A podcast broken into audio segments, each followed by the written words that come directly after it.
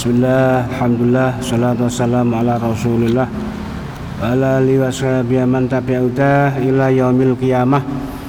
Amma ba'du Bapak, Ibu, adik-adik, jamaah Masjid. Rahimakumullah. Mari kita lanjutkan kajian kita tentang Asiatul Mustafa yang kemarin eh, sudah sampai ke pada harapan Jibril untuk umat Muhammad ini ada tujuh kelompok. Kemudian kita teruskan.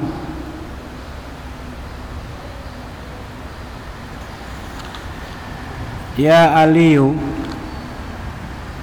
Hai Ali alaika bisolatil jamaah.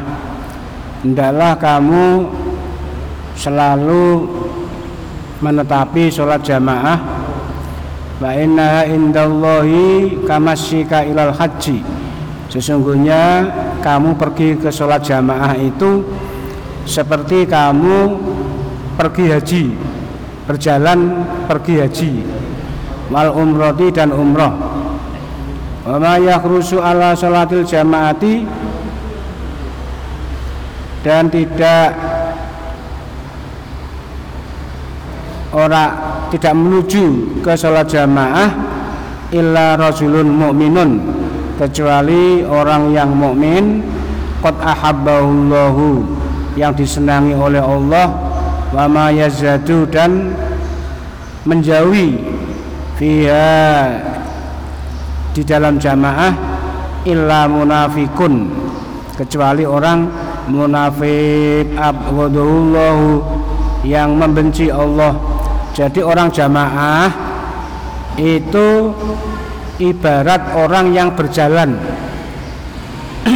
melaksanakan ibadah haji dan umroh dan nuju menuju dan laki-laki yang menuju sholat berjamaah itu dia dicintai oleh Allah dan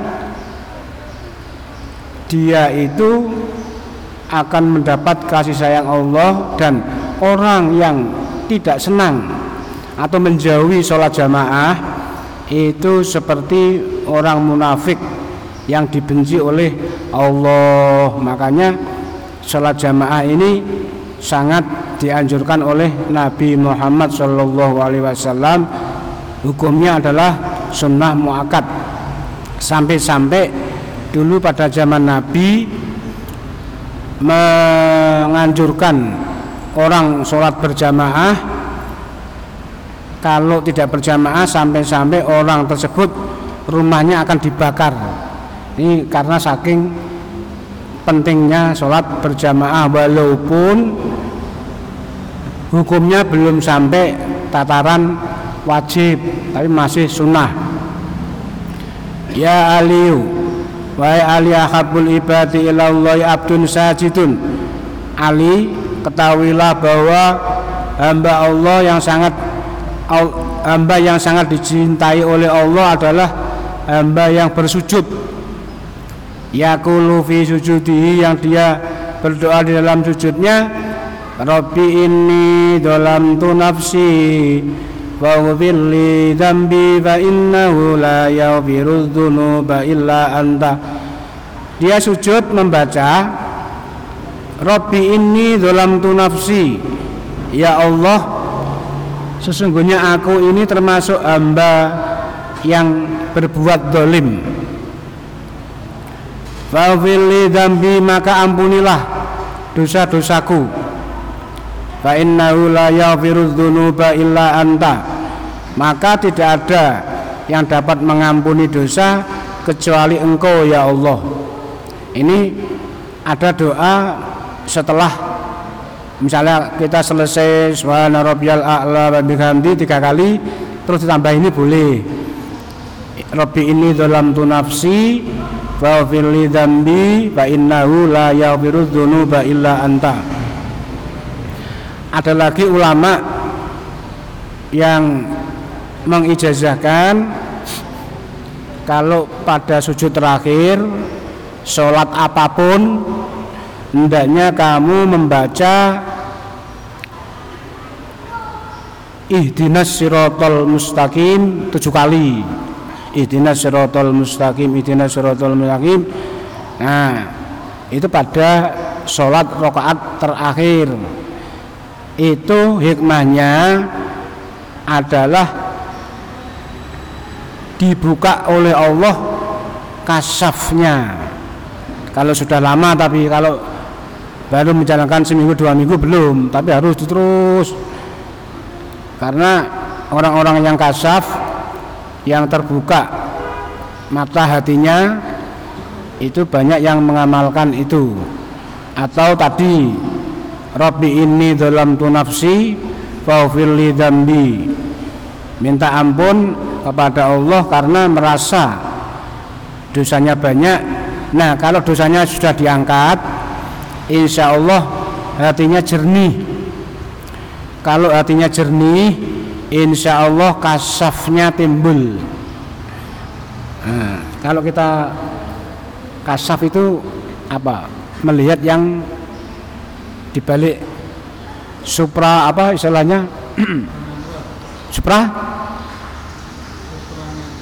Ya baik supra eh supra natural jadi dibalik natur dibalik yang ada ini kita melihat. Di pojok itu ada gymnya misalnya. Itu kalau orang yang sudah kasat bisa melihat memang kalau di pojok ada gymnya tapi kalau gymnya tidak ada jadi pook gitu. Nanti di pojok ada gymnya. Kalau tidak ada gymnya ya jadi pook. Ya Ali wa Ali alaika bisolatid duha. Hendaknya kamu selalu menjalankan sholat duha baik fisafari wal khadori baik di waktu di waktu bepergian maupun di waktu di rumah. Fa innahu idza kana yaumal kiamati maka sesungguhnya apabila besok di hari kiamat yunadi munadin min fauqi syarafil jannah. Ada orang yang memanggil-manggil. Di bawah di atas kemuliaan surga. Dimanggil-manggil di atap surga orang tersebut mengatakan ainal ladzina kanu yusalluna duha. Mana orang-orang yang selalu menjalankan sholat duha? Mana orangnya? Nah. udhulu min babid duha. Masuklah kamu ke dalam surga melalui pintu duha.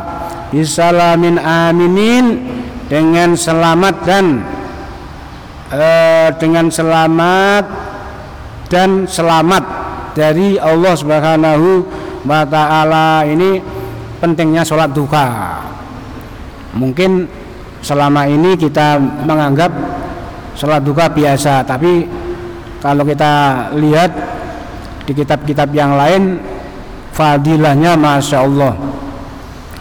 Tidak hanya terma, tidak hanya meminta tambahan harta rizki saja. Tapi sholat duka itu dua rakaat sholat duka ini kalau kita bisa mengerjakan paling tidak dua rakaat.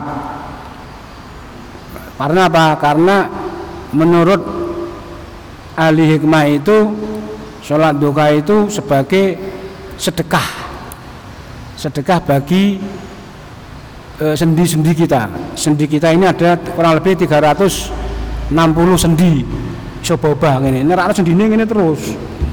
Mangan yang ini ra iso kan? Ah iso ini seboba nah ini termasuk sedekahnya sendi kalau pagi. Dua rakaat sebelum dua rakaat berikutnya untuk apa? Dua rakaat untuk apa terus sampai ada yang bilang sampai 12 rakaat ini di samping kita e, bersedekah untuk sendi kita maka dosa-dosa kita otomatis diampuni oleh Allah Subhanahu wa taala.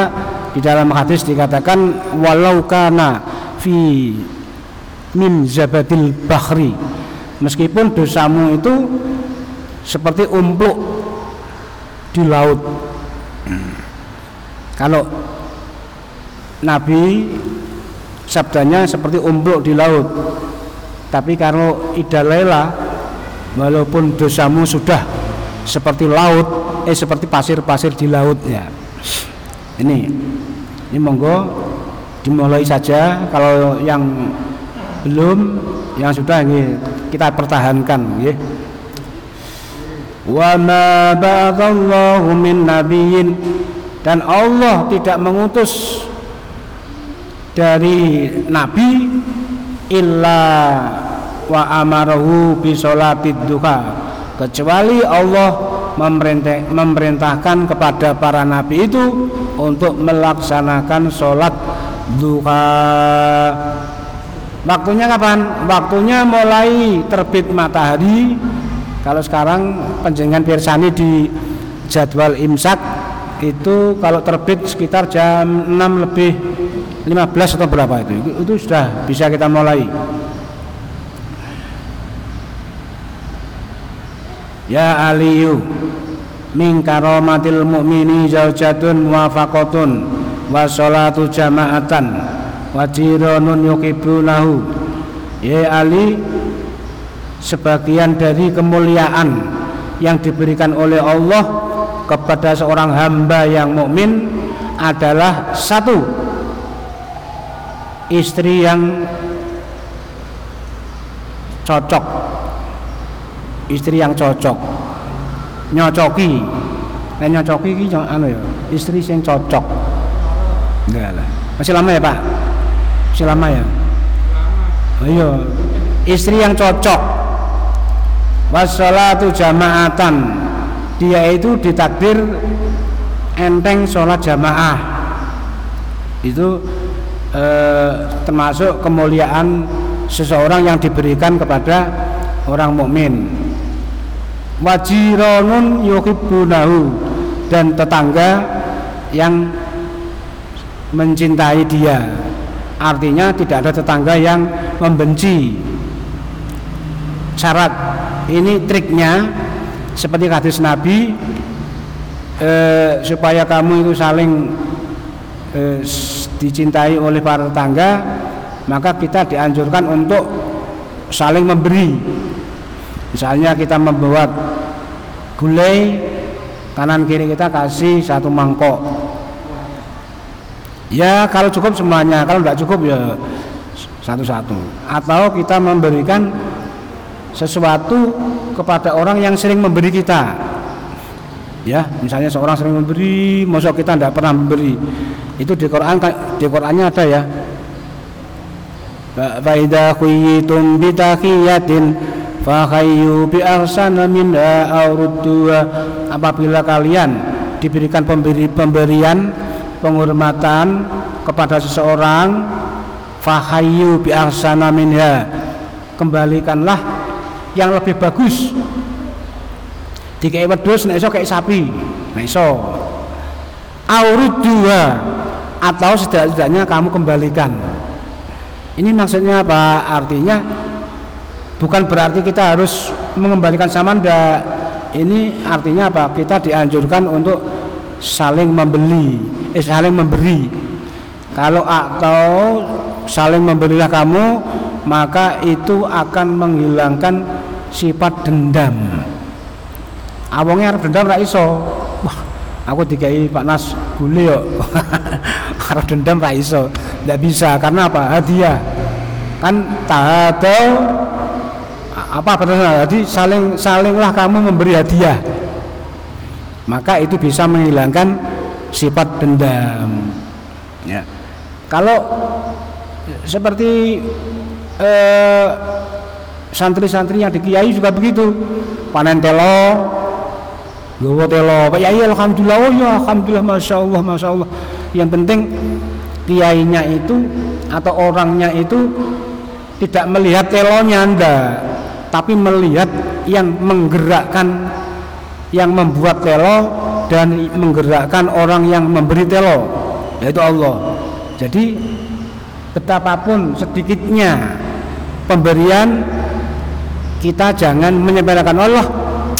Borong wedang jangan begitu. Saya pesan jangan begitu. Wedango itu nek Gusti Allah ora ke ora iso. Jangan menyepelekan pemberian. Kiai kiai juga begitu. Jangan kiai kiai ora butuh nih masya Allah alhamdulillah. Pinang mana nang ya wah alhamdulillah barokah barokah barokah barokah. Nah nyenengke atine iki masyaallah.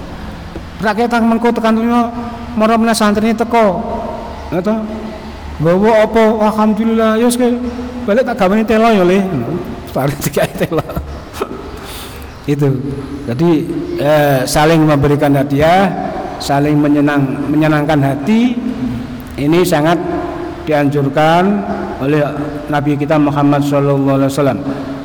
Qala alaihi salatu wassalam man shoma ramadhana wastanabal karama fihi wal buhtana radhiyallahu anhu wal buhtana radhiyallahu anhu ar-rahmanu wa aujaba laul jinan. Nabi sallallahu alaihi wasallam bersabda barang siapa yang berpuasa Ramadan dan menjauhi barang yang haram di dalam bulan Ramadan dan menjauhi goroh dusta itu Allah akan meridhoinya. Dan Allah menetapkan kepada dia masuk ke dalam surga. Insya Allah masuk ke dalam surga. Jadi Nabi sabda Nabi yang lain juga mengatakan bil jannati royanun di surga itu ada pintu namanya royan nah ceritanya seperti tadi. Besok ya undang-undang ana sing undang-undang ning dhuwur swarga manil manis so imuna sapa sing poso Ramadan rene mlebu rene. Hmm. coba kita bayangkan kalau kita sudah sholat duka ajek Ramadan ajek tilawatil Quran ajek sedekah ajek pintu surga yang delapan jangan dapat empat. Berak penak jangan apa meneh entek entuk wolu kabeh? Wah Masya Allah berapa menit? Satu. Ya itu saja.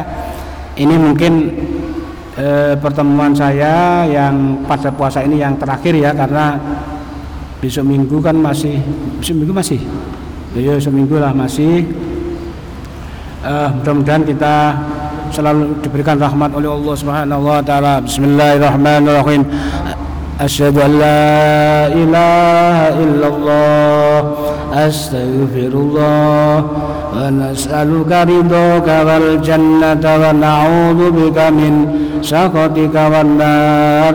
أشهد أن لا إله إلا الله أستغفر الله ونسألك رضاك والجنة ونعوذ بك من سخطك والنار. أشهد أن لا إله إلا الله أستغفر الله ونسألك رضاك والجنة ونعوذ بك من سخطك والنار. اللهم إنك عفو كريم. تحب العفو فاعف عنا يا كريم. اللهم إنك عفو كريم. تحب العفو فاعف عنا يا كريم. أشهد أن لا إله إلا الله. أستغفر الله.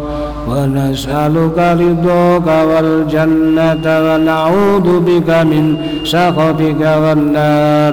اللهم إنك عفو كريم. تحب العفو فاعف عنا يا رحيم بسم الله الرحمن الرحيم. اللهم لك سمت وبك آمنت وعلى رزقك أفطرت برحمتك يا أرحم الراحمين والسلام عليكم ورحمة الله وبركاته